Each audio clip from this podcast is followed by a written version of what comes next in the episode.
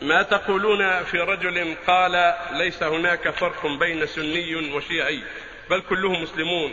وهو مفتي في إحدى ديار المسلمين حيث أنه أجريت معه مقابلة في إحدى المجلات منذ شهر ويقول حرام علينا أن نقول هذا سني وهذا شيعي فهل هذا الكلام لا بأس به أو ما ترون فيه؟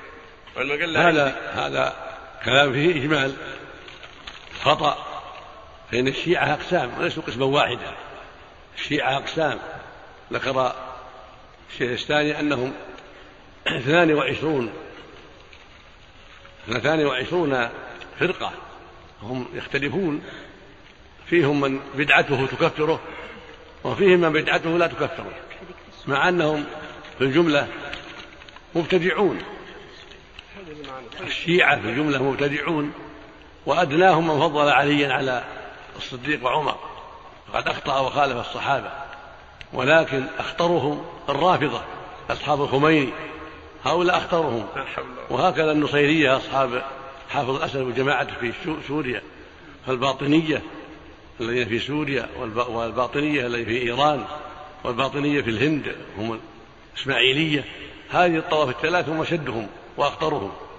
وهم كفر هؤلاء كفر لأنهم والعياذ بالله يضمرون شر المسلمين ويرون المسلمين أخطر عليهم من الكفرة ويبغضون المسلمين أكثر من بغضهم الكفرة. ويرون أهل السنة حل لهم دماؤهم وأموالهم.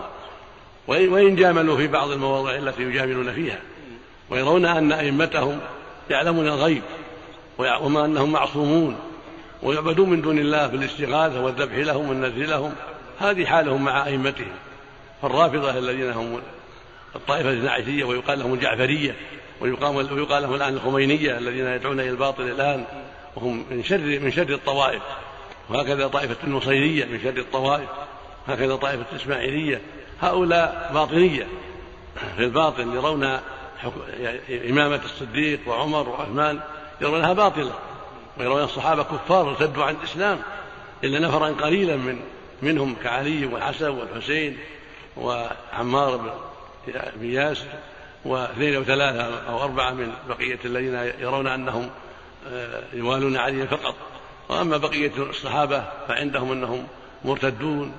قد خرجوا عن الإسلام وظلموا علي إلى غير هذا ما يقولون نسأل الله العافية. مع ما عندهم من الغلو في أهل البيت ودعواهم أنهم يعلمون الغيب وأن الواجب إمامتهم وأن هذه الإمامات التي بعد بعد علي وقبل علي كلها باطلة. وأن ما عندهم ولاية حق إلا ولاية علي والحسن فقط. أما الولايات اللي من عهد النبي إلى يومنا كلها باطلة عند الرافضة. نسأل الله السلامة. نعم. المقصود أن أن الشيعة أقسام ليسوا قسما واحدا. ومنهم الزيدية المعروفة في اليمن عندهم التفضيل ليسوا بالكفار إلا من عبد الأوثان منهم وغلا في البيت ودعاهم من دون الله. أما مجرد تفضيل علي على الصديق وعلى عمر لا لا يكون كفرا. ولكنه بدعة غلط.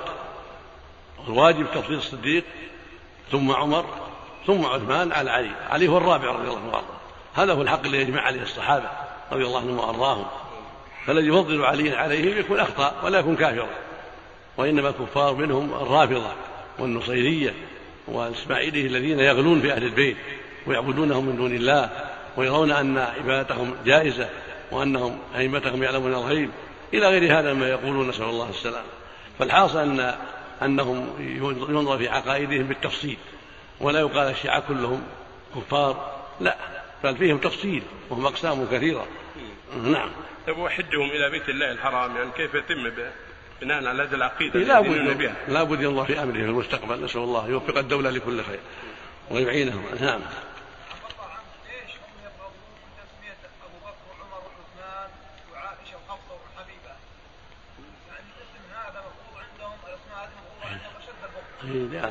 معروف لأن يرون الصديق كافر يرون عمر كافر يرون عثمان كافر يرونهم ظلموا علي. يتهمون عائشة إلى غير هذا من عقائدهم الباطلة نسأل الله العافية.